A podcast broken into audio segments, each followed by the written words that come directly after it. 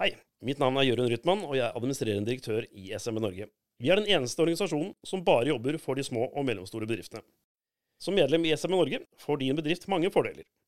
Et politisk talerør inn til Stortinget og regjeringen, svært kunstige forsikringsordninger, gratis advokathjelp over telefon og e-post. Jeg syns du skal melde inn din bedrift i SMB Norge i dag. Gå inn på dinbedrift.no og meld deg inn. Sammen styrker vi din bedrift.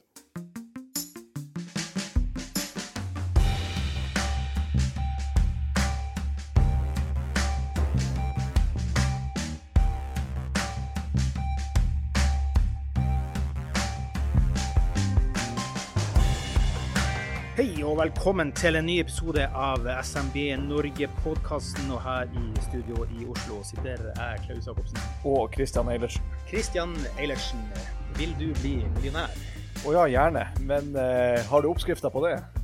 Nei, men det er en her i studio som kanskje har det. Ja. Som en gang i tida. Vi, vi må jo legge frem litt, for at det, det er jo ikke alle våre lyttere som er godt voksne og høyt hårfeste, sånn som meg, da. Sånn Nei. at vi kommer tilbake til en forklaring. Men vi havner alle der på et eller annet tidspunkt. Ja, eh, gjør vi det? Ja, jeg tror nok det. Ja. I hvert fall på hårfeste, men ikke på millionær. Det tror jeg ikke Ja. alle havner på. Kanskje ikke kvinnfolkene. De holder vel håret livet ut, mange av dem, gjør de ikke det? Jo, mange av dem gjør det. Ikke, ikke alle. Nei. Nei da. Nei da. Det er jo ikke bare bare å bli millionær i dagens samfunn heller, sånn Nei. som det er med dagens regjering og ting som skjer. Så, og det skal vi også komme inn på. Jeg syns det var litt festlig fordi at dagens eh, gjest han var god å fyre opp litt. Det skal jeg spørre ham om senere på, på debatten vi hadde. Da var jo du og onkel reiste til Mac igjen på reise et eller annet sted. Ja, Gud, dessverre må ikke med det. Men, men det var en bra debatt, skjønner Det var en fantastisk eh, Ja. debatt, syns jeg da personlig. Ja. Hvis jeg hva gjesten syns. da. Det er ikke godt å si. Det. Men Handler det noe om gjestene som var i panelet da, eller var det liksom eh, måten man fyrte opp stemninga underveis i der, eller var det Nei, det var en eh, viss minister som ba om innestemme. Jeg syns det var bare artig at man skal vise litt eh, fronter mot hverandre. Ja, ja, ja. Så, nei, jeg syns det var veldig bra debatt. Og fantastisk dag for Ja. øvrig da. SMB Ja, over, over 70 deltakere Yes. Yes. full pakke. Og fantastisk flott uh, middag Mm. på uh, Hotell Riviera i Mm.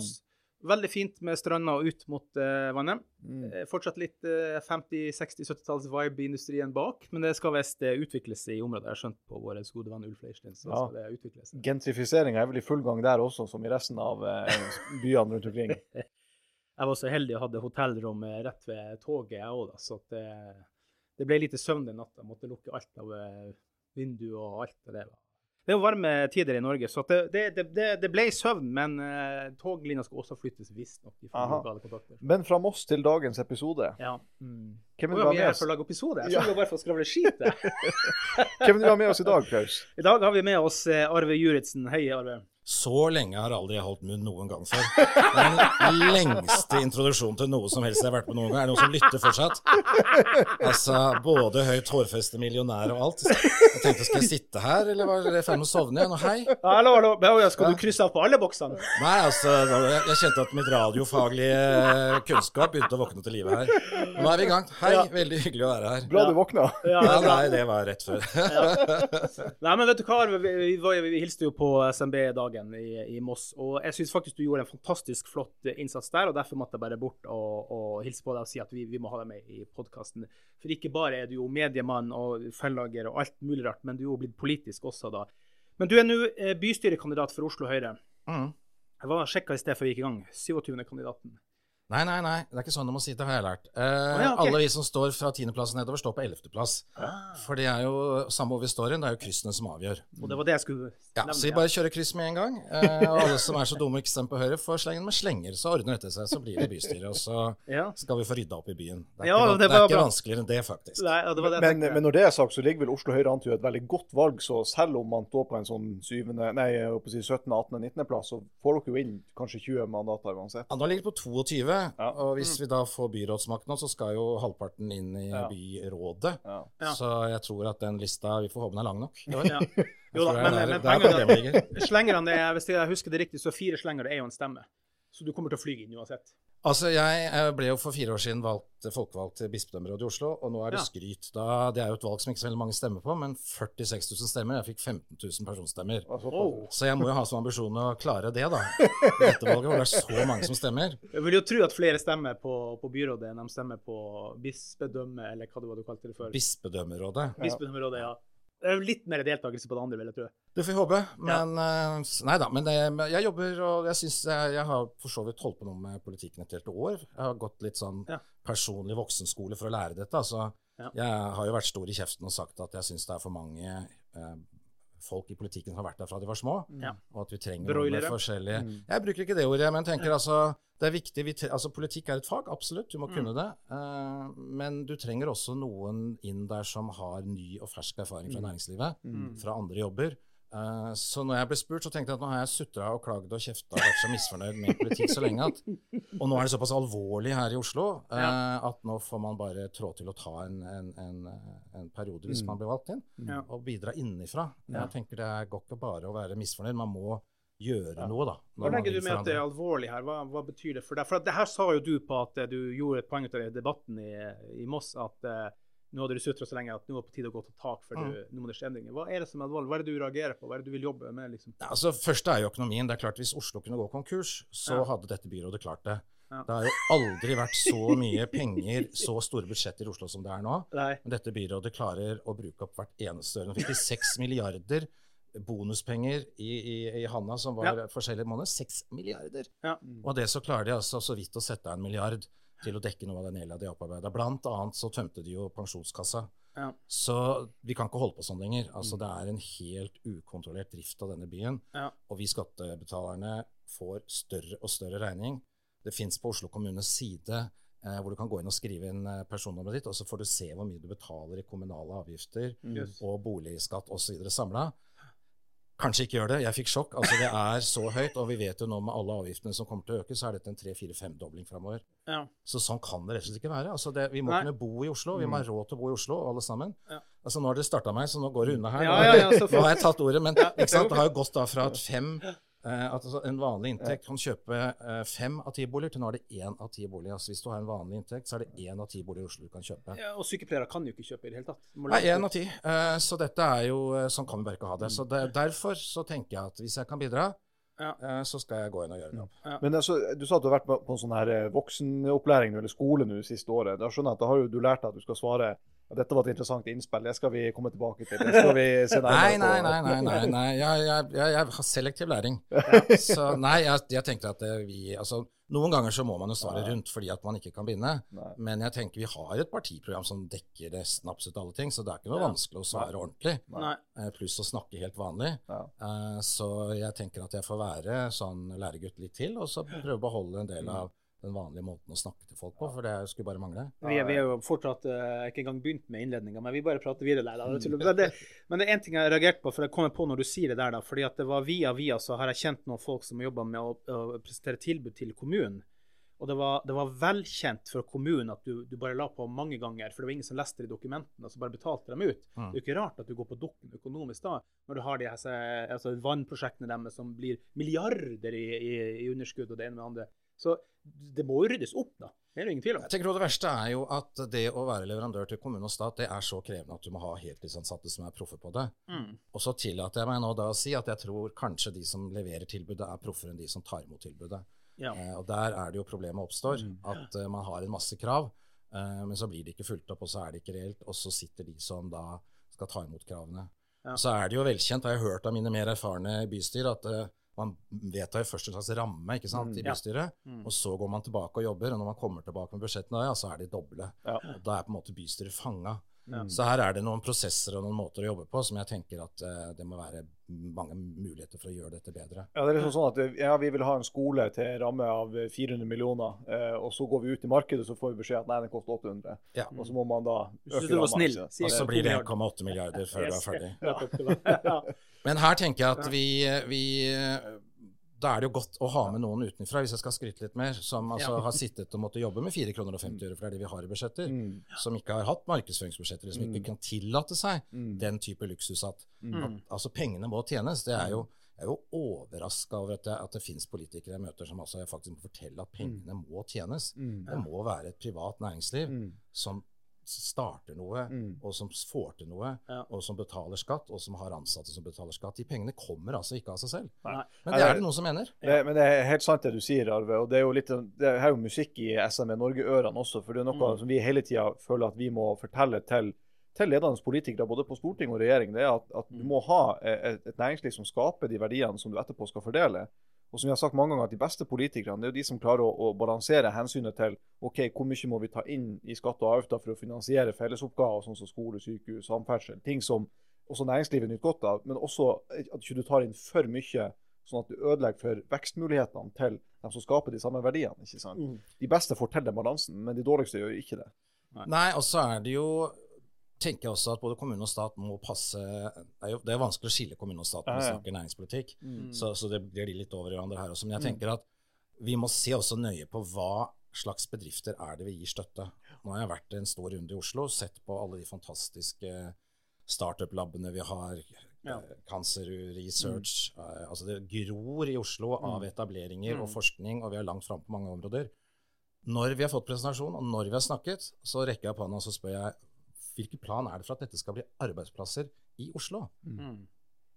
Og da blir det like stille som det var nå. Mm. Det er liksom ikke en del av en del av gründer, Mm. forskningsgründerbedriftene. Skal jeg si, De langsiktige gründerbedriftene har ikke den planen. Mm. Og jeg tenker enda vanskeligere er det jo sånn som det er i Oslo nå. For hvis du da får suksess, som en del av, av vi har fått innenfor helse og medisin, ikke sant, så trenger du jo plass. Mm. Du trenger et sted til å ha den moderne fabrikken din. Det var et Mm. hermetegn i fabrikk. Mm. Eh, men da tar det altså åtte år, sju-åtte år i Oslo for å få regulert den tomt, og da er jo den bedriften for lengst ute av Oslo, Yes. sitter Ja, for ja, ja. lengst ut av, Ja, av landet. Ut av, ut av Norge òg, da, Ja. tenker Men, jeg. da. Så. men bare, bare, du nevnte en ting her som er et interessant stikkord. Det her med å gi støtte til næringslivet. Mm. Eh, og Nå er jo du da en, en politiker, eller kommende politiker da, som har næringslivsbakgrunn og har investert egne penger og, og forstår hva en krone er for noe, og hvor den kommer ifra. Men de fleste politikere har jo, som du selv sa, ikke den bakgrunnen. det er ikke så og, lett i dag, for en krone er jo ikke verdt noe i dag. Nei, men, men, men, men, spør, men spørsmålet er jo liksom Spørsmålet er jo eh, Er politikere egentlig i stand til å vurdere et prosjekt om dette her er mulig å generere noen varige arbeidsplasser av det? Det er sånn, Du sitter der, ja, du skal få støtte, og du skal Mm. ikke få støtte. ikke sant? For at, altså, hva er, Hvordan er det her foregår? Nå er det jo ikke alltid, eller kanskje færrest ganger, at det er politikerne som sitter akkurat og fordeler pengene. Man lager rammene, Mm. og så har vi Innovasjons Norge, og så har vi en hel masse andre. Jeg har en gang i mitt liv prøvd å søke penger fra Innovasjons Norge. Mm. Kommer jeg aldri til å gjøre igjen. Det var den mest bisarre opplevelsen jeg har sett. Og selvfølgelig furter jo alle som ikke får, men Mm. de som fikk penger i det prosjektet, har ikke blitt noen ting av, og det kunne jeg sagt på forhånd. Det var bort, rent bortkasta penger. Dette var innen bokbransjen, skulle være eksport. Og man også ga det bort til bare tull og tøys, Ja. istedenfor noe som er kommersielt uh, mulig. Ja. Eh, og hvis det jeg opplevde er slik det er, så kaster vi bort mye penger. altså. Det er ikke bra. Jeg tror nok det er mange plasser det er sånn rundt omkring i Kommune-Norge. Nå vet ikke jeg om, om Innovasjon Norge og hvor, hvor flink de er på de tingene der, men at rundt omkring i Kommune-Norge og i fylkeskommunene Mm. tror jeg det er mye av den type greier. At, og der sitter til og med politikere og vurderer hvem som skal få penger. Du får en innstilling fra administrasjonen, ikke sant? og så er det politikerne som sier ja, det prosjektet skal få støtte, og det skal ikke få støtte. ikke sant? Det, Vi må bli mye mer profesjonelle på dette. Ja. så- nå har jeg brukt mye tid på å lese med Oslos budsjetter, og vi Mm. smører jo så tynt utover så mye rart. Og det har jeg ikke tro på. Jeg har gjort et initiativ nå når det gjelder dette med, som jeg snakket litt om også på, i, i Moss, altså Mm. på dette med å markedsføre Oslo. Jeg har gjort en undersøkelse, og vi ser at eh, i Oslo så har jo da Oslo Business Region Mm. syv ansatte. Tilsvarende i eh, Helsinki har mange over 100. Sverige, altså Stockholm, København, altså alle vi nordiske hovedstadene har over 100 ansatte. Helt andre budsjetter. Mm. Uh, jeg tror, hvis vi regner sammen alt, at Oslo kommune bruker ca. 70 millioner i året på å tiltrekke seg turister og markedsføre byen, og det får vi altså ingen, ikke nok igjen for. mm. Og det er litt også fordi vi smører det så tynt over så mange tiltak. Mm. Uh, så her tenker jeg, altså Nå er jo Visit eh, Oslo en, en privat bedrift, men hvis vi kommer i posisjon og jeg får noe med dette å gjøre, så har jeg veldig lyst til å prøve å samle de enhetene som markedsfører Oslo. Jeg tenker at om det er turister, eller om det er arbeidskraft, eller om det er investorer vi skal tiltrekke oss, det er litt den samme jobben med litt Mm. forskjellige valører. Mm. Mm. Men her må vi komme på nivå med Stockholm og København, og ikke minst Helsinki, som jo har virkelig tatt seg sammen for noen år siden, og som nå seiler opp som en ny nordisk eh, næringslivshovedstad. Mm. Mm. Mm. Jeg er jo eh, over halvt eh, finsk, så så jeg liker jo å høre disse ordene fra Arve. Eller. Ja, de har vært kjempeflinke. Ja.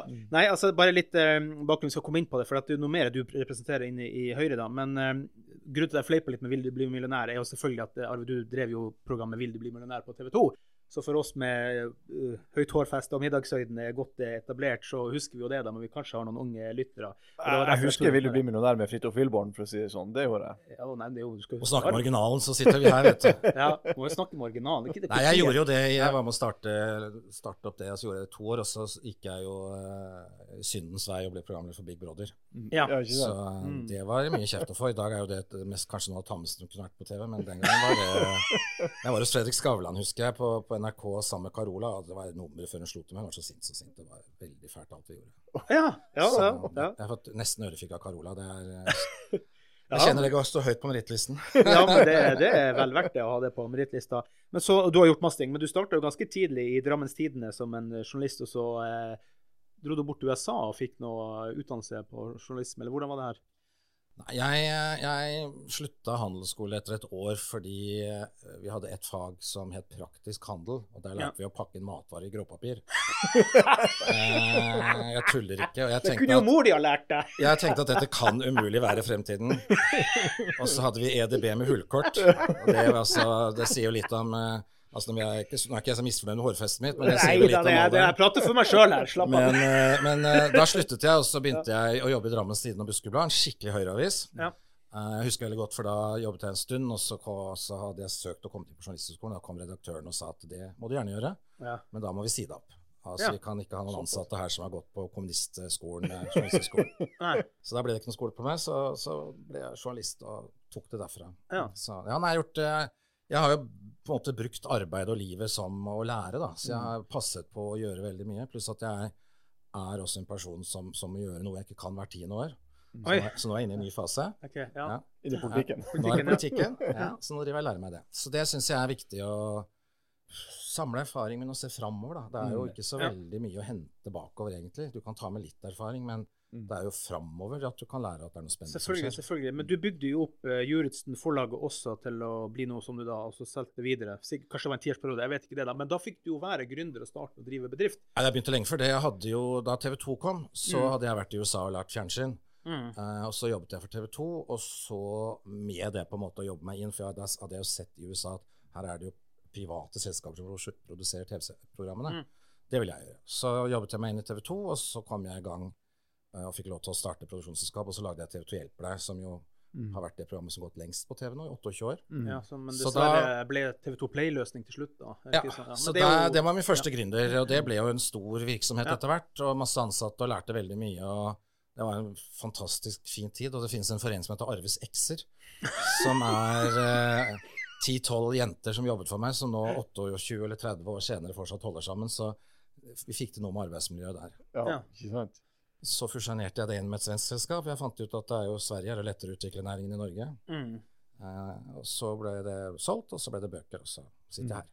Men du har også skrevet en del eh, bøker uh, sjøl. Du har et lite forlag på gang igjen nå, har du ikke det? Nei, eh, jeg solgte jo forlagene mine til Petter Stordalen, og det var, så sitter jeg med en del rettigheter som jeg forvalter. Ah, okay. Så de tikker og går litt. Jeg har annet en sånn barnebokserie som selger veldig bra, som heter Ja. Kattekrigerne. Okay. Som er sånn 60 bøker nå som tikker og går. Så jeg har litt sånn som ligger der og betaler eh, regningene, nå som jeg da okay. heltidsfrivillig for Høyre. Ja. ja, nei, for jeg trodde du hadde starta opp igjen, men det er ikke det du har. Du Nei da, det ligger det er noen gamle, gamle gleder som er med videre. Ja. Og eh, apropos før vi trykker på rekord her, så snakka vi at vi har eh, vært til stede i kjelleren her fra ungdomspolitisk eh, organisasjon som holdt til her i kjelleren i gode gamle dager. da. Var det noe politisk som ung sjøl? Har du noe politisk bakgrunn sjøl, selv om du har begynt med for et års eh, tid siden? Ja, jeg, eh, jeg har en eh, lynkort visitt i Røyken Høyre som fotograf på deres eh, brosjyrer under valgkamp. Nei, jeg har, valgt å, jeg har valgt å ikke være politisk offentlig. Jeg har alltid vært engasjert. Jeg har Ja. alltid stemt, og jeg har alltid stemt Høyre. Uh, Men jeg føler at det har ikke vært forenlig med å være journalist og programleder og forlegger. Altså, da skal Nei, du på en nei, måte treffe veldig mange. Så, så jeg har ikke flagget det, da. Men uh, jeg har vært en stødig støttespiller. Men, men bare, bare for å gripe litt fatt i det der du sier, liksom at man kan treffe mange, og derfor har du liksom ikke valgt å være politisk og sånn. Eh, Det er jo en ting som vi, vi ofte hører fra andre i næringslivet, at de liksom er veldig forsiktige med å flagge sine standpunkter og synspunkter. Bør det egentlig være sånn? Nei.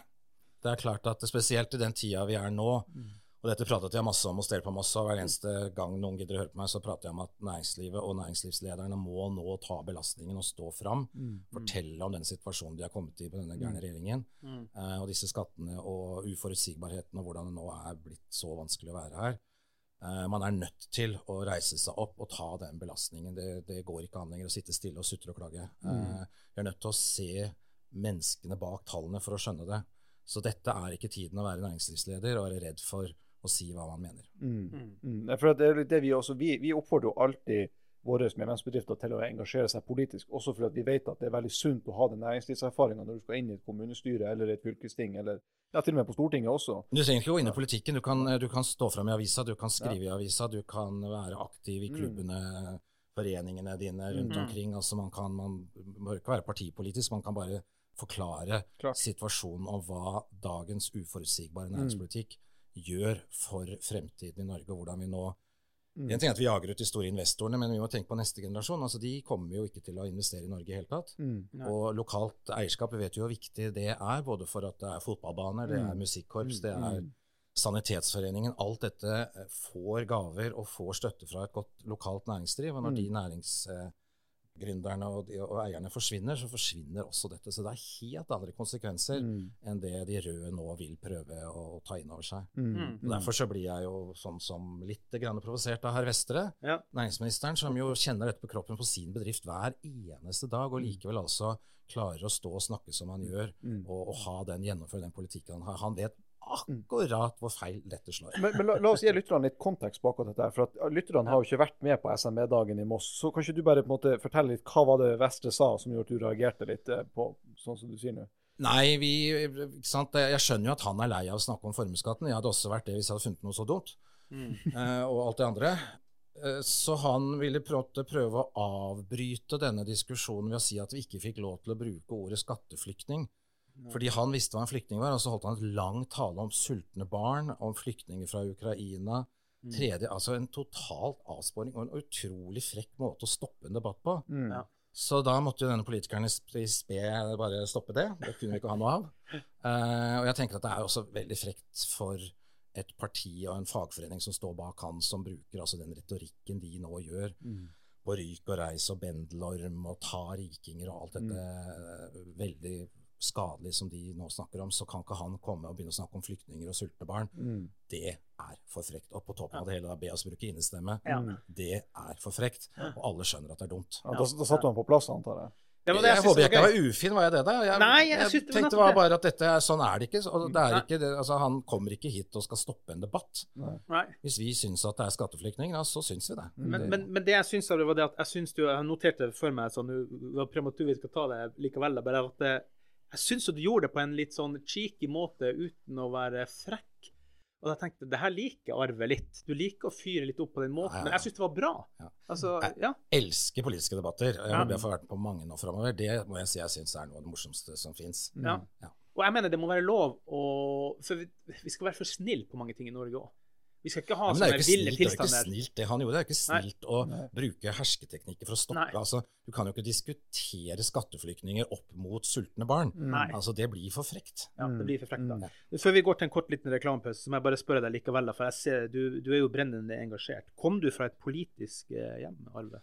Ja, jeg tror bestefaren min var uh, god venn med Martin Tranmæl. OK. Så jeg er vokst opp langs uh, Drammenselva, cellulose og murstein og arbeiderbevegelsen og det hele. ja. Ja. Diskuterte dere mye hjemme da, eller hvor kommer det herfra inn hos deg? Da? Nei, vi var altså Bestefar og den generasjonen var jo politisk eh, Ja. blodrøde og engasjerte og gjorde jo en nødvendig jobb i den tiden. Mm, eh, foreldrene mine var ikke så veldig engasjerte, så Nei, dette Men altså, jeg har alltid vært samfunnsengasjert. Altså, men hovedsaken min også er at altså, hvis du vil Hvis du er misfornøyd, Ja. så er det faktisk mulig å gjøre noe med det. Mm. ja, og så det er jo mye verre, sånn som jeg nå sitter i en sofa, at sofapartiet skal bli stort. For det er jo i ferd med å bli størst av alle, nesten. Hvis vi ikke vinner valget i Oslo, så er det fordi Sofapartiet har eh, vunnet, eh, har eh, fått så mange stemmer. Og jeg ser når jeg står på stand nå, så er det veldig mange som sier nei takk, behøver ikke den brosjyren, eller skjønner ikke hvorfor det står her, for dere har jo vunnet alt. Ja. Nei, det har vi ikke. Nå er det 29-29, det er helt uavgjort i Oslo bestyret. Så det viktigste vi kan gjøre nå når valglokalene åpner, er å få de yngre og de Mm. eldre til å gå og stemme. Mm. Og alle andre midt imellom. Altså, det er oppfordringen min. Nå må dere ta med alle og gå og stemme. Mm. Eh, det er et viktigere valg her i Oslo enn noensinne. Og slik er det utover hele landet også, mange andre kommuner. Mm. Eh, så det er ingen valg som er vunnet før alt er talt opp. Mm. Så man må engasjere seg. Ja, det er sant. Uten tvil. Ta en lytt på Jørund Rytman, så kommer vi straks tilbake med mer engasjement, for det mangler det ikke på her. Hei, mitt navn er Jørund Rytman, og jeg er administrerende direktør i SMB Norge. Vi er den eneste organisasjonen som bare jobber for de små og mellomstore bedriftene. Som medlem i SMN Norge får din bedrift mange fordeler. Et politisk talerør inn til Stortinget og regjeringen, svært kunstige forsikringsordninger, gratis advokathjelp over telefon og e-post. Jeg syns du skal melde inn din bedrift i SMN Norge i dag. Gå inn på dinbedrift.no og meld deg inn. Sammen styrker vi din bedrift.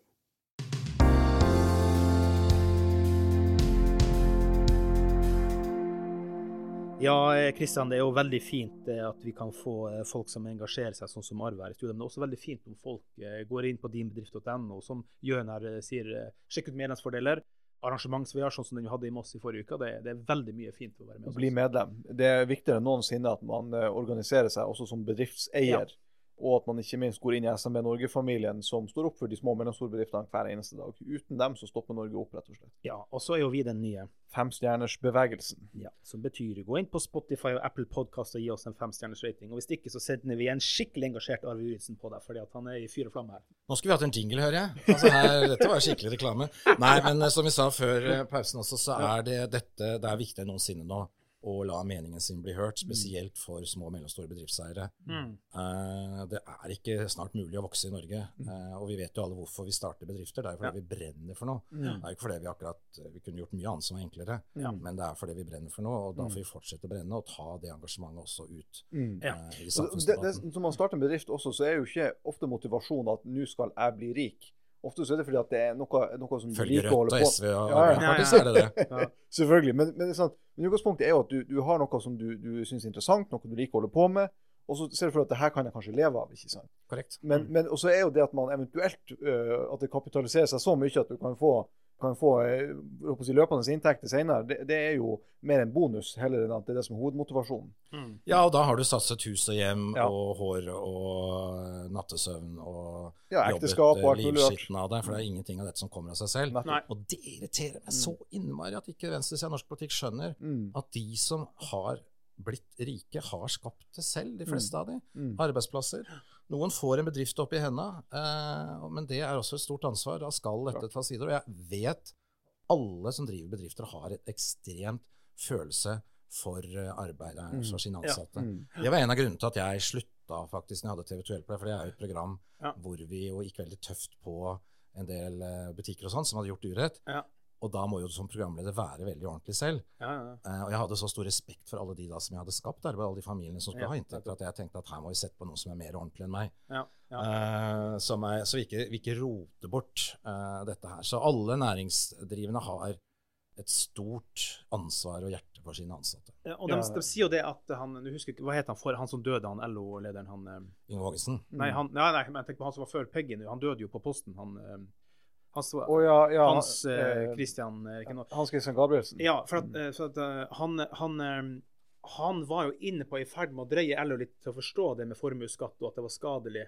Og så kommer det en ordentlig rødstrømpe fra nord som overtar, som bare tar helt motsatt retning. Og som snakker så stygt og så nedrig til om mennesker. Ja.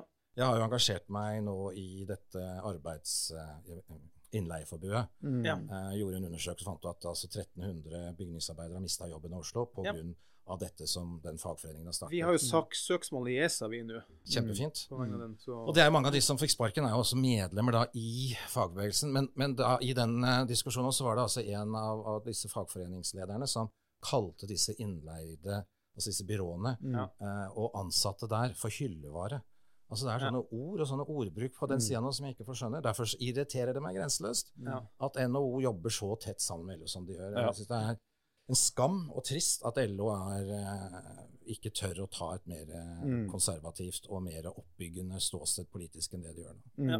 Det er også noe vi har kritisert fra SMB Norges side flere ganger. F.eks. om det som gikk nå på, på kjønnskvotering, vi har sett det tidligere på, på strømstøtte også, at det har vært et utrolig nært og tett samarbeid mellom LO og NHO, uten at man egentlig har stått opp for hva som er bedriftsinteressene. Og Da tenker jeg ikke på de store foretakene, men tenker på hverdagsnæringslivet. De som har kanskje én til fem ansatte. ikke sant? De, har blitt fullstendig neglisjert av NHO. Så ærlig må jo være, rett og Og, slett. og vi var jo inne på strømstøttedebattene. Vi var jo inne på regjeringa, men så ble vi, vi snakka for mye med virkeligheten. Så til slutt så ble vi eh, utelatt. Ja, ja. Vi fikk ikke være med videre. Ja, absurd nok. Altså, da de fremforhandla den strøm, strømstøtteordninga i høst, eh, LO, NHO, altså. Mm. for bedrifter, ja, LO, NHO og, og regjeringa og Virke, så var jo vi også med i de innledende samtalene. Men vi spilte jo inn en strømstøtteordning som var lik den som er for husholdningene. Mm. For at det var ubyråkratisk, enkelt, forutsigbart uh, for næringslivet. Og etter det innspillet så ble vi satt på gangen. Og så fikk vi det som eh, NHO og Virke fremforhandlet. Ja, nei, altså til Meria er jeg noen, og det er masse hyggelige folk der. ja. Masse fine arrangementer, Ja. svært flott hus. Mye å si som er fint. Men uh, jeg skjønner ikke det overordna ståstedet og den overordna politikken til NHO. Den skjønner jeg ikke. Eh, Jeg tror det, politikken kan oppsummeres i ett ord, og det er trepartssamarbeidet. Ja. Altså, alt annet er liksom uvesentlig. Men da må det jo ha skjedd noe der, for det var jo ikke sånn dette var ment å skulle være. Nei. Nei. Nei. Eh, Arve, du er da også leder for Oslo Høyres bedriftskanal, så sitter du vel også sentralt? i Ja, jeg er nestleder for eh, den nasjonale satsingen. Altså Bedriftskanalen er jo da Det er ikke en ny radiokanal, sånn som mange spør meg om, eller ikke en TV-kanal, men det er jo det næringspolitiske forumet Mm. som, som Høyre har. Det ble vel starta på 80-tallet, hvor ordet kanal var ganske kult. Eh, I dag ville vi nok valgt et annet ord, så vi har en søknad inne hos sentralstyret nå om å få lov til å hete noe så folk skjønner hva det er. Men det er veldig spennende å jobbe med. Vi er jo i alle fylkene, Mm. eh, og det er morsomt å jobbe med dette i Oslo. Og det er fint nå å bygge opp en organisasjon som, som vi håper skal bli stor og sterk eh, også nasjonalt. Ja. Hva er misjonen deres? Hva skal dere gjøre? Og du besøker vel mange bedrifter òg, gjør du ikke det? Ja da, bedriftsbesøk er viktig, men vi kan ikke bare sitte og drikke kaffe og gå på bedriftsbesøk og ha på gøye hatter, eh, som alle politikere vil like. Sånn der hjelm og sånn Ja. lue inne på sjokoladefabrikk og sånn. Refleksvest og sånn. Ja, jeg var på Volvat. og Arve ser på ting. Jeg så dødskul ut i en sånn legefrakk. Jeg bare begynte å operere med en gang. Var det ikke noe hårnett også der? Jo, jo, det var helt fantastiske bilder. Nei, vi, vi, skal, vi skal jo jobbe med å utvikle næringspolitikken i Høyre. Ja. Eh, Og det trengs. Høyre er næringspartiet, absolutt, men det skal vi, må vi passe på. Det må forvaltes. Og vi må, må sørge for at eh, næringspolitikken står eh, på topp fem Mm. hos Høyre. Og så skal vi være et kontaktledd mellom næringslivet og politikerne, både lokalt da, og også nasjonalt, at vi tar ting til Stortinget. Og som vi gjorde med dette innleieforbudet, ikke sant? så lagde vi et spørsmål i spørretimen av det, og Mm. bruker stortingspolitikerne våre der. Så det, det har ligget litt brakk, men jeg, det, vi er noen nå som er entusiastiske for dette. Så når vi er ferdig med valget, så går vi litt sånn i fase to. Ja. Og så får vi håpe at dette blir noe som næringslivet føler er nyttig og kan bruke. Mm. Ja, vi hadde jo i, I forrige episode så hadde vi jo Erik Våtland fra Oslo Venstres eh, gründernettverk. Som jo nå kan si litt av det samme, bare at det er mer på gründersida. Mm. Og det var bare to måneder gammel. Det var noen og 50 bedriftseiere som har blitt med allerede. Mm. Så det er jo rette tida for å gå på den, på grunn av det Unnskyld at jeg sier det som Jeg skal ikke si det. Men det regjeringa driver med, og disse vedtakene og tiltakene som, Og jeg dessverre for at, Var det galskap du lette etter? Var det ordet? Ja, ja, ja, var galskap. deg, ja. Men det er ikke rart at det, eh, da er tiden inne for å provosere frem eh, engasjement hos bedriftseiere. For det skjer så mye rart der nå. Ja, vi skal ikke provosere frem noe. De må, altså alle bedriftseiere, jeg sier vi, Ja. for jeg er fortsatt en bedriftseier, vi Mm. må nå stå opp og snakke og, og tale vår sak, og, og ikke tro at noen andre gjør det. Mm. Selv om vi både har, Venstre har et forum og vi har et forum, så må Mm. man altså nå være engasjert hvis man vil eh, ha en forandring. Men jeg har sagt det mange ganger, jeg kommer til å si det sikkert flere ganger også. Ja, men det er kjempebra. Men, men, men det som, bare for å være litt sånn djevelens advokat her, Arve for at Jeg ville kanskje si at det har gått fra, fra vondt til verre. Det betyr at der vi kom fra etter åtte år med Erna Solberg, var ikke, det var ikke perfekt det heller hva gjelder næringslivspolitikk heller. Det var jo mange ting man ikke fikk gjort noe med. Saksbehandlingstid, byråkratiet fortsatte å vokse. Eh, masse nye krav, påbud, reguleringer som ble innført. Også under Erna Solberg. Så det er liksom hva er det som er, Jeg ønsker bare at det skal gå tilbake til mindre ille. det var helt nytt for meg. Nei da, det er masse å ta fatt på, som Ja. eh, Solberg-regjeringa også gjorde, og eh, forandringer der. og jeg er glad du sier byråkrati, for når vi snakker lokalpolitikk igjen, så er det også et av de største problemene i Oslo. Det er i alle kommuner, også i Mm. staten. Det er jo så vanskelig å komme i kontakt. Ja. Og det er så mange mennesker og så mange avdelinger. Mm. Eh, så det må vi også gripe fatt i med en gang og prøve å gjøre det tydelig. Og det er ikke en ny sånn hjelpelinje eller en ny telefon eller en ny sånn artig webside. Det er på en måte å Ja. gjøre noe med systemene Mm. slik at uh, det ikke er fem instanser som må snakke sammen for å få et ja eller et nei. Mm. Og at ikke minst at det er lang, lengre horisonter. Mm. Jeg hadde en venn av meg som drev julemarked i Oslo før de som hadde nå. Han fikk svar i oktober Ja. hvert Ja. år. og Da skal han begynne å selge inn eh, boder og få på plass Mm. Ja. sine. Alle skjønner jo at ikke det går. Og det, jeg, har en liten, jeg skal bli litt min syke mor, jeg skal innrømme det, da, men det er bare et eksempel. Fordi at Alle vil jo ha nye studenthybler og i det hele tatt. Og Jeg sitter jo selv i et uh, studenthjem i et styre, som også er medlem her hos SMB Norge. Vi fikk uh, penger fra myndighetene til å uh, begynne bygging, mens kommunen stoppa det. Og det landa til slutt på sånne fjollete svar som at det står to trær som er veldig viktige for dreneringa i, i grunnen der. Og De to trærne er fra når Tåsentunnelen ble bygd, hva er det, 20 år siden. Så det er jo ikke noe sånn verneverdige greier, da. Men de hindrer altså 165 nye studenthybler bare på noe, på noe tull, på noe fjas. Og det var jo Byantikvaren, da. Så vi håper jo på skifte, så at vi kan snakke til mer fornuft. Men alle vil ha studenthybler, og så fant man en bitte, bitte, bitte liten grunn til at nei, det kan vi ikke ha. Ja, eller store, denne store cancerforskningen som nå bygger ut, kanskje stopper opp fordi at kommunen ikke klarer å selge den tomta som Mm. kommunen er som ligger midt i der. Bare fordi ikke noen klarer å snakke sammen. Det er, ikke, Mm. det er et hus som har stått tomt, det er ingenting som skal brukes til noe annet. Mm. Det er bare rent somlebyråkrati. Ja. Mm. Jeg kjenner jeg det vekslevis sint og vekslevis lei meg Mm. liksom for den type ting. Altså. Mm. Men det er ikke litt også sånn at mange ganger så er, har politikerne litt sånn beslutningsvegring også, istedenfor å, å si at eh, sånn vil vi ha det gjennomført, og så skal man hele tiden drive og utrede og se nærmere på og vurdere nøye, istedenfor å bare si vi vil ha det sånn, dette mener vi er rett, sette i gang og, og iverksette. Da har jeg min voksenopplæring nå, da, dette siste året lært at man må tenke litt før man handler, eh, når man forvalter andres penger. Eh, så jeg tenker at det er jo lurt å tenke seg om og utrede litt. Det ser vi jo ikke minst på dette nye skatteregimet som regjeringen kasta på oss, Mm. med tilbakevirkende kraft. Eh, vi må ha forutsigbarhet. Men derfra til byråkrati, det er to helt forskjellige ting. Mm. Eh, men at vi skal være handlekraftige og kunne lage løsninger. Men dette handler jo også om å ligge litt foran og så si at vet du hva, nå har vi et område her, la oss legge en ordentlig reguleringsplan. La oss som politikere ta initiativ til at dette vil vi ha her. Gjøre da f.eks. byggeklare hvor alt er utreda. sant? Denne type hus og denne type Mm. skal det være. Så det er litt andre måter å, å jobbe på enn bare å henge etter og miste pusten. Mm. Men det er noe du kan jo tenke deg om for alltid også. Eh, Du kan jo hele tida tenke i fire år, og så kommer det et nytt valg, og så skal man tenke på nytt i fire år. ikke sant? Absolutt, og jeg er den mest utålmodige av alle mennesker. Eh, stå i kø, da får jeg utslett.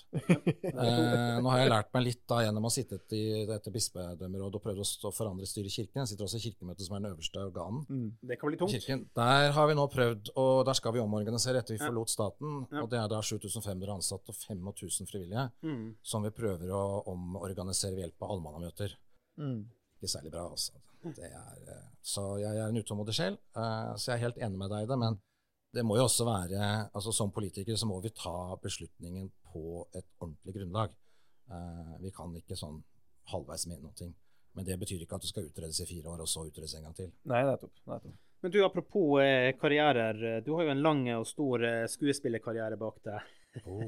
Du hadde jo en kjempestor rolle i Star Wars episode 5, The Empire Strikes Back. Ja, den lever jeg godt på fortsatt. Jeg selger fortsatt autografer til Hva får vi nå? Det er en agent i en i USA og en i Tyskland. Tror vi får fem euro nå for uh, som var statist i Norge. Okay. Hvor Var du signatur. han der Jabba the Hutt, eller? Nei, jeg var stormtrooper. Jeg forsvarte de gode i snøen på Finse. Ja, ja. Det var, ja, det lever godt.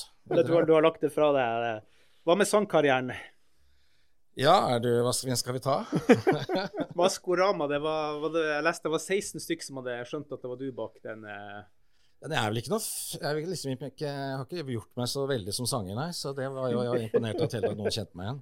Men det var eh, Altså, jeg, jeg er veldig opptatt av at man skal pushe grenser, og til eldre Ja. du blir, til flere grenser skal man pushe. Mm. Og det å stå på en scene og synge hadde jeg aldri tenkt at jeg noen gang skulle gjøre. Nei. Ikke kan jeg synge heller, det er noe så. Eh, men uh, inni den maska så, så var det plutselig en masse muligheter, og det var egentlig ganske symbolpunkt. fordi hvis vi tar på oss en maske, da, så er det jo veldig mye, mye tørr Mm. Som vi ikke gjør når noen kan se ansiktet vårt. Mm. Så jeg tenker at jeg, den der styrken jeg hadde der, med å plutselig tørre, tørre å drite meg ut og dumme Ja, ja, ja, meg ut mye mer enn jeg ellers gjør, tenkte jeg det skal jeg ta med videre. Mm. For det er, altså, det, det er jo ikke altså Det å dumme seg ut, det er jo helt greit, det.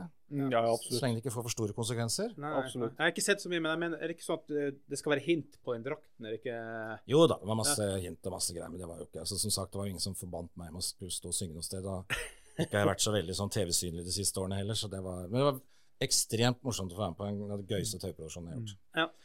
Næringspolitikk. eh, Du kommer jo selvfølgelig fra, fra bakgrunnen næring sjøl. Hvis du nå satser videre, Du kommer inn i bystyret. Du blir stortingsrepresentant. Oh. Du blir næringsminister. Er Dette liker. Dette var et, Ja. det, jeg likte hastigheten på dette, denne karrieren. Det må jeg si. Da, da kan jeg være med hvis det går Hva så vil du fort. korrigere? Hva vil du endre? Hva vil du kjøre i gang med som næringsminister i Norge? Først og fremst er det altså næringslivet i Norge må ha bedre vilkår på alle områder. eh, Ja. Fra som vi snakker om byråkrati til at eh, vi, må, vi skal selvfølgelig betale skatt. eh, Og alle er enig i det, men det må skje på en ordentlig og, og måte som ikke sender de viktigste folka ut. Mm. Og så er jo forutsigbarheten. Altså du kan ikke drive virksomhet og få nye spilleregler med tilbakevirkende kraft. Så det er jo å synliggjøre næringslivet. Men det er klart næringspolitikken er litt vanskelig også på Stortinget. fordi at næringsministeren har egentlig ikke så veldig mange verktøy i verktøykassa si. Det er finansministeren Mm. eh, som styrer pengene, eh, og det er mange andre departementer som styrer andre ting. Så det å være næringsminister og drive næringspolitikk er litt sånn å falle mellom flere stoler. Mm. Um, og da gjelder det jo, tenker jeg da, å, å, å bruke den spillerommet man har, og de mulighetene man har til å, til å tenke framover og skape noe positivt. Altså ikke flere Vi behøver ikke noen flere vanskeligheter, noen flere feller, noen flere snubletråder. Han er jo en puppet for eh, kompromisser. og Hva skal du gjøre da, Arve, som er så ivrig på at det skal skje nå? For Grunnen til at mye av den praten er så negativt mot næringslivet nå, det er jo fordi at det er krefter SV, Rødt og LO som styrer det frem, som kommer med sine stygge karakteristikker. Og Hva skal du gjøre med det i kompromissene, når det faktisk er vanskelig å dra de ut dit du vil ha det? egentlig da? Ja, altså Hvis vi hadde kommet til regjering, så hadde ikke LO fått så mye de skulle sagt. Det hadde vært en god start. Ja. Kanskje vi kunne stoppet denne eh, nedrige stemmen til Peggy. Ja. Uh, nei, det er klart at uh, jeg hadde sikkert blitt sendt på hodet ut etter fire dager, for de har masse for mye, jeg regner jeg med. Uh, så det, nei, det gjelder jo å stå på. Ja. Men Det er klart, det er jo ikke noe simsalabim, Nei. men det er heller ikke så vanskelig. Men det er klart, man må jo få en posisjon, og man må skjønne spillet. Det er derfor jeg sier at, Mm. at politikk er et fag. Mm. Jeg er fullt ydmyk for det, Mm. eh, og det går ikke an å bare komme løpende inn og si at nå skal vi gjøre sånn som jeg sier, for sånn gjør vi i næringslivet. Mm. Så det er jo en kombinasjon, eh, men det er jo en forståelse. Og det er der jeg tenker at jeg kunne aldri satt meg i den situasjonen som dagens næringsminister har gjort, hvor jeg vet at alt jeg gjør, er feil. Mm. Ja, jeg For jeg han er fanga av For jeg merker det på kroppen. Så stas er det ikke å ha privatsjåfør. Nei, nei. Men det er liksom, ikke det litt vanskelig å skulle på en måte stå framme da og, og forsvare det? Liksom, tror man på det sjøl? Det er det som er spørsmålet. Tror han på det sjøl, det han prøver Jeg tror han er selge? fanga, som sagt. Jeg tror han er litt fanga. Spesielt de mer ekstreme venstrekreftenes måte å omtale alt på. Der er han fanga, tror jeg, da. Ja, det er klart hvis han skal være en, en næringsminister, og hvis Jonas Gahr Støre skal være leder for denne regjeringen, så må de bare betale skatten sin og blø. De begge to merker jo dette. Mm. De vet jo, altså Jonas Gahr Støre vet jo også godt hvordan business fungerer, hvordan investeringer fungerer, hvordan man forvalter en arv da, som han har Mm. gjort. Han har jo vært en passiv forvalter av det. Mm. Uh, mens Vestre har jo utviklet uh, sin uh, forfedres bedrift fantastisk måte. Mm. Gjort, Løfta det enormt, ikke minst internasjonalt. Har gjort en kjempejobb. Eh, så, men nei, altså klart politikk så må du jo være enig i det programmet som har blitt vedtatt. Mm. Og du må jo være, I Høyre er vi alle enige i det Erna sier. Mm, Ja, du må være det utad. Det skjønt. Eh, og stort sett så, så sier Erna fornuftige ting. Eh, eller alltid sier Erna fornuftige ting. Nei, det er klart dette jeg, det, jeg vet ikke hvordan det skulle eventuelt stå å være å forsvare noe man ikke er enig i. Nei.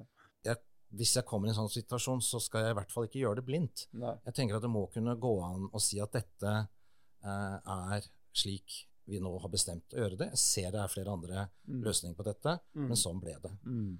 Mm. Hørtes ikke noe særlig det var ikke overbevisende, synes ut, det der heller. Jeg må jobbe litt på den linja. Det er greit. Nei, jeg synes det er bra. Du fikk testa det ut her, da. Ja, det er fint. Vi har, Som bedriftsleder sjøl, da. Sitter du på når vi, litt, eh, vi liker å prate om krigshistorier, vinnerhistorier. Har du noen krigshistorier som du sjøl ja, Kanskje er grunnen til at du er her i dag, da? Ja, og vil kjempe for de meningene? ja, altså det er klart, jeg eh, har aldri fått ett øre i støtte til noe som helst. Nei. Jeg har aldri fått eh, fra det offentlige noe hjelp til Mm. noe som helst. Eh, så det er klart at det å, å dra i gang og hjelpe unge gründere Mm. er også viktig. Men igjen så tenker jeg da at vi må Der jeg opplever at det går litt feil nå, er at de kommersielle, levbare bedriftene får ikke den hjelpen, får ikke den støtten. Det er litt mer disse rare Mm. eh, Og i hvert fall så må du si i dag må du si IT. Sier du Mm. ikke IT, så kan du bare gå hjem. Mm. Uh, Så jeg tenker at det må være litt grann mer rom for oss å hjelpe i gang ting som faktisk kan, kan skape arbeidsplasser. Eh, og også se på de tradisjonelle bedriftene som kan gjøres på andre måter. Mm. Snakker du nå om offshore havvind? Uh, nei, nå snakker jeg mer om sånne enkle, små Altså, jeg er veldig opptatt av Når det gjelder skolepolitikken, så er jeg veldig opptatt av at uh, den er nå så teoretisk at folk begynner å falle av allerede i barneskolen. Mm. Ja. De som ikke er teoretikere. Mm. Og da har vi ikke noe å hjelpe dem med. Altså, det er en haug av uh, altså Jeg snakker om dette fordi jeg har en datter som har dysleksi, og jeg har også Mm. dysleksi selv. Så jeg Mm. har vært igjennom dette nå, eh, hennes skoleløp, og, og det er en masse hjelpetiltak, en masse støtte for en masse ekstratid. Men alt handler om hvis du er dårlig i matte, ja, så får du ekstrahjelp i matte. Er du Mm. dårlig i norsk, så skal du bli bedre i norsk. Man skal altså inn i den firkanta boksen åkke som, Mm. uh, selv om du ikke får det til. Eller. Det er ikke noen alternativer. Mm. Og det verktøyet må vi skape nå. Vi må ha noen som kan da gå ut i samarbeid med næringslivet Mm. og gjøre praktiske jobber. Altså Det skrikes etter unge mennesker der ute. Mm. Jeg hadde et møte nå med, med serveringsbransjen som sier at vi kan gjerne hjelpe til. Vi kan Mm. også klare å ta inn, eh, ta inn uh, unge mennesker med litt sånn tilpasningsbehov. Ja. Så det kan vi Mm. godt gjøre. Og jeg har selv, Da jeg drev TV-produksjon, så var det den gang på Nav noe som het Kaja-midler, Mm. som var superfine fordi at vi kunne komme til Nav og si at denne ungdommen har kontaktet oss, Ja. denne ungdommen tror vi har et talent, denne ungdommen vil vi ha ansatt. Og så fikk de lønna betalt av Nav. Mm. Og jeg har flere suksesshistorier om Jeg hadde annet en jente som kom inn som en, hun hun var rebell, hun var oppgitt av alle. I dag er hun en av de flinkeste og mest anerkjente fotografene i NRK. Mm. Gjør de største dramaproduksjonene i NRK. Mm. Fordi hun fikk lov til å jobbe noe praktisk med det hun ville. Mm. Her er jo, det treffer jo veldig på nerven for meg personlig. Da, og I og med at det ikke er noe redaktørplakat i en podkastverden, så kan jeg nevne det. For jeg har jo en datter som har dyskalkuli. Ja. Og det er jo nettopp det samme frustrasjonen jeg har for at hun skal tvinges gjennom det der. Og jeg er så redd for at hun skal bli en Jeg vil ikke bruke ordet skoletapper, men at jeg ser jo at ja, det det smitter i andre fag. vet du hva, Yes. det blir skoletapere av de Mm. som, som tvinges inn i den boksen, fordi skolen fremstår ikke som et alternativ. Nei. Tenk deg selv hvis du unnskyld jeg deg nå. Tenk deg selv hvis du går på jobb hver dag, og det eneste du skal jobbe med på jobben den dagen, er det du ikke er klarer. Mm. Alt det du er god til, får ikke lov til. Mm. Eh, Det, det skal du ikke drive med. Så dette systemet skaper skoletapere. Ja, og vi må mye tidligere gå inn i de praktiske retningene for dem. Mye tidligere, og gjerne ungdomsskolen også, da. Mm. Men du, du har jo også en uh, ung datter, en 2004-modell, tror jeg, samme som jeg har en sønn, da. Apropos å hjelpe de unge, som nevner da. Hva tenker du om balansen mellom det å skape næringsutvikling og at vi skal levne, og da er jeg inne på klima, en bedre jordklode for dem etter oss? Hva tenker du der? Er det noen balansegang som er viktig å passe på, eller, eller skal vi bare gasse på? ordet er jo balansegang, og det er Mm. jo der miljødriverne nå ikke har den balansegangen. Mm. Altså, Vi kan ikke legge ned oljeindustrien før vi har noe annet å leve av i dette landet. Det tror jeg alle skjønner, spesielt de som tror at pengene ikke trenger å tjenes, at de bare ligger der. Det er ikke alle som skjønner det, Nei, dessverre. eh, Så balansegangen er det jo det vi handler om. Selvfølgelig må vi jobbe for det grønne skiftet, Mm. eh, men vi må altså samtidig gjøre at de arbeidsplassene er levedyktige, at de ikke er subsidierte bare. Mm. Så her er det at vi må klare begge deler. Mm. Uh, og ja, vi har masse fint i gang på Norge, prosjekter for dette. Men vi må også passe på at, at vi samtidig tenker næringsliv, arbeidsplasser, resultat. Mm. Mm. Men er det da fornuftig liksom, å, å kaste ja, gode penger etter dårlige, sånn som man holder på nå med både CO2-fangst og -lagring, men også offshore havvind? Eh, ting som andre land egentlig fortsatt kan holde på med. Storbritannia, Nederland, Danmark kan holde på med offshore havvind. Så kan vi holde på med det vi er gode på, som er olje og gass. Ikke sant? Vi er uansett inne i det samme markedet og handler den samme strømmen. Ja, nå tror vel jeg da på de som sier at en eller annen gang så skal vi ikke bruke olje og gass lenger. Jeg tror nok det er Jeg Det er ikke helt Industripartiet. Nei, nei, nei, det, nei. Så det er klart vi skal ha et skifte, men, og, vi er gode på forskning, vi gjør mye bra på det. Men det kan ikke være sånn at vi legger ned noe før vi har noe nytt. Men det er klart, altså jeg tenker i Norge vi må da være gode på vindkraft. altså Det må da vi kunne klare. Det blåser jo søren meg i, i halve landet her, så vi må jo kunne få til det på en ordentlig måte. Mm. Vi famler og roter ganske mye nå, men jeg tenker at det må da kunne løses. Vi skal gå litt inn for landing her snart, Are. men eh, avslutningsvis her da, hvis det, det går sikkert greit for deg økonomisk for all del, og vi skal ikke grave i det da, men hvis du skal ha spurt om vil du bli millionær i dag, hadde du hatt det med bismak i dag med dagens skatteregime? Han ringte den sikkert først. Den? Ja, du tenker sånn og, og, og kjørt den konkurransen i dag? Ja, altså Poenget er jo det at du alt blir skatta i hjel av det. Ja. Ja, ja, ja. Ville Vil- du blitt millionær Vil du bli skatteflyktning? Ja. Uh, ja. Ja, det hadde vært en. Nei, men, eh, vet, nei, men du vet jo det er noen ting som ikke skattes i Norge som det er lov til, og det Ja. er jo å bli rik på å vinne ting. Mm. Ja, Altså Du kan vinne nå 1,8, i hvert fall 1,4 milliarder var det en som vant i Tyskland nå. Mm. Eh, og Det kan du også vinne i Norge, og det er helt skattefritt. Ja, Det er jo fordi krona er blitt pesetas nå, så det er jo Nei, men uansett, vinne ting er skattefritt, da. Eh, Jo da, jo da, så jeg jo da. tror også et gameshow Jeg tror de også slipper skatt. Så det, det er vel kanskje der fremtiden ligger. Ja. Vi må alle vinne, vi- drive med lotteri da, og vinne ting. At det er den nye, Men, men, ja, næringen. Alle må bli vinnere. Og få lønn fra lotteri i stedet for uh, fra arbeidsgiver. Men, Ja. men det, er, jo- er helt absurd. Det er en ting som også er heller aldri forstått. Hvorfor, er det, hvorfor skal det være så eh, hard skatt på dem som klarer å bygge opp noe, Eh, og når du da på en måte får formuesskatt og får utbytteskatt, der skattes du i hjel. Mens du vinner i eurojackpot, så er det helt skattefritt. Altså, hva, i verden er logikken i det? Det fins ikke logisk. Det er vel samme logikken som da LO og Peggy tar imot 1,6 millioner i lønn fra sine medlemmer og har hytter og hus overalt og skal gå ut og ta rikinger. Mm. Som begynner på 1,7 millioner, by the way, da. Det er vel den samme, det er den samme logikken. Mm. Ja, det er, det er helt spinnvilt, altså. Helt avslutningsvis, hva syns du om dagens eh, priser på solbriller? Er de for dyr? Nei, vet du hva, Det hyllekoret har jeg ikke lyst til å ta meg opp, for jeg tror at her ligger det en personlig tragedie bak. Ja. Eh, Jeg tenker at dette er, Jeg forstår ikke noe av saken, men dette jeg er syns det noe er mer og noe annet som ligger bak, og det er bare trist. Ja. Ja. Enig i det. Enig i det. Vi kan ikke slutte med den, så vi må finne på noe annet nå på slutten. Det ble, min journalist sier at det der ble en for trist slutt. Hva er det beste vi kan si om, eh, om eh, fremtiden til SMB?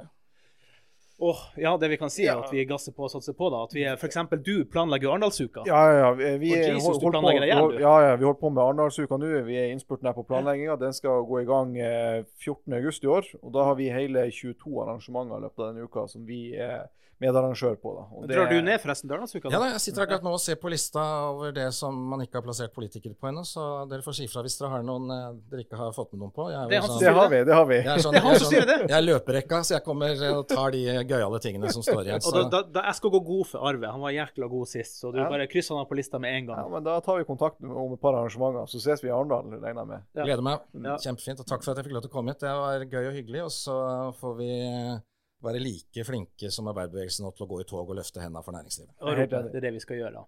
Veldig bra avslutning, altså, må jeg si. Ja, vi egentlig kan bare runde av der, for når vi går rundt med, med hendene i været, så er det ikke noe Men eh, hva lytterne må gjøre avslutningsvis? ja, eh, Da må de jo inn og gi oss en femstjerners rating på Apple Podcast og Spotify. Du kan også skrive en omtale av oss på Apple Podcast. Gjør det nå når vi har en flott Det er en ting til de må gjøre, da, de er i Oslo. De må jo sette kryss med navnet mitt. Bare så det er Å Oh, ja, du, forresten, ja, vi kan jo avslutte med det. Hvor, hvor finner de bedriftsnettverket ditt, hvis du vil at folk skal finne frem til Bedriftskanalen. Bedriftskanalen. Sorry, bedriftskanalen. Ja, bare google Bedriftskanalen Høyre, så popper det opp. Og vi er på Facebook og all over the place. FM 8067. ja. Nei, men eh, helt seriøst, Arve. Jeg håper virkelig at, eh, at Høyre finner veien med, med deg på en mann eh, som deg på Stortinget, som har bakgrunn. Og det er noe mer som sier folk kan bli politisk født inn i det, for all del, men du må ha med bedriftsfolk inn i det Stortinget, og det er ikke for mange. Vi kan starte med bystyret Så begynner vi med bystyret først. Ja da, men det veien er videre. Bystyrevalg denne høsten, dere. ja. Nei, men uh, man må stemme og ha en mening nå. Det nytter ikke å sitte hjemme og furte. Og du står på plass nummer Nei, jeg, jeg står på jeg, Det husker jeg ikke. Ja, 27. jeg- må se ned på lista. Ja, men man finner navnet mitt der, og så er alle vi som står under tieren, vi trenger kryss, og så suser vi inn. Er noe problem. kryss på Arve Juritzen hvis du vil ha en eh, bedriftsmann inn i bystyret i Oslo. Det handler på det stedet. Helt klart. Stem inn, Arve. Takk skal du ha, Arve. Hyggelig.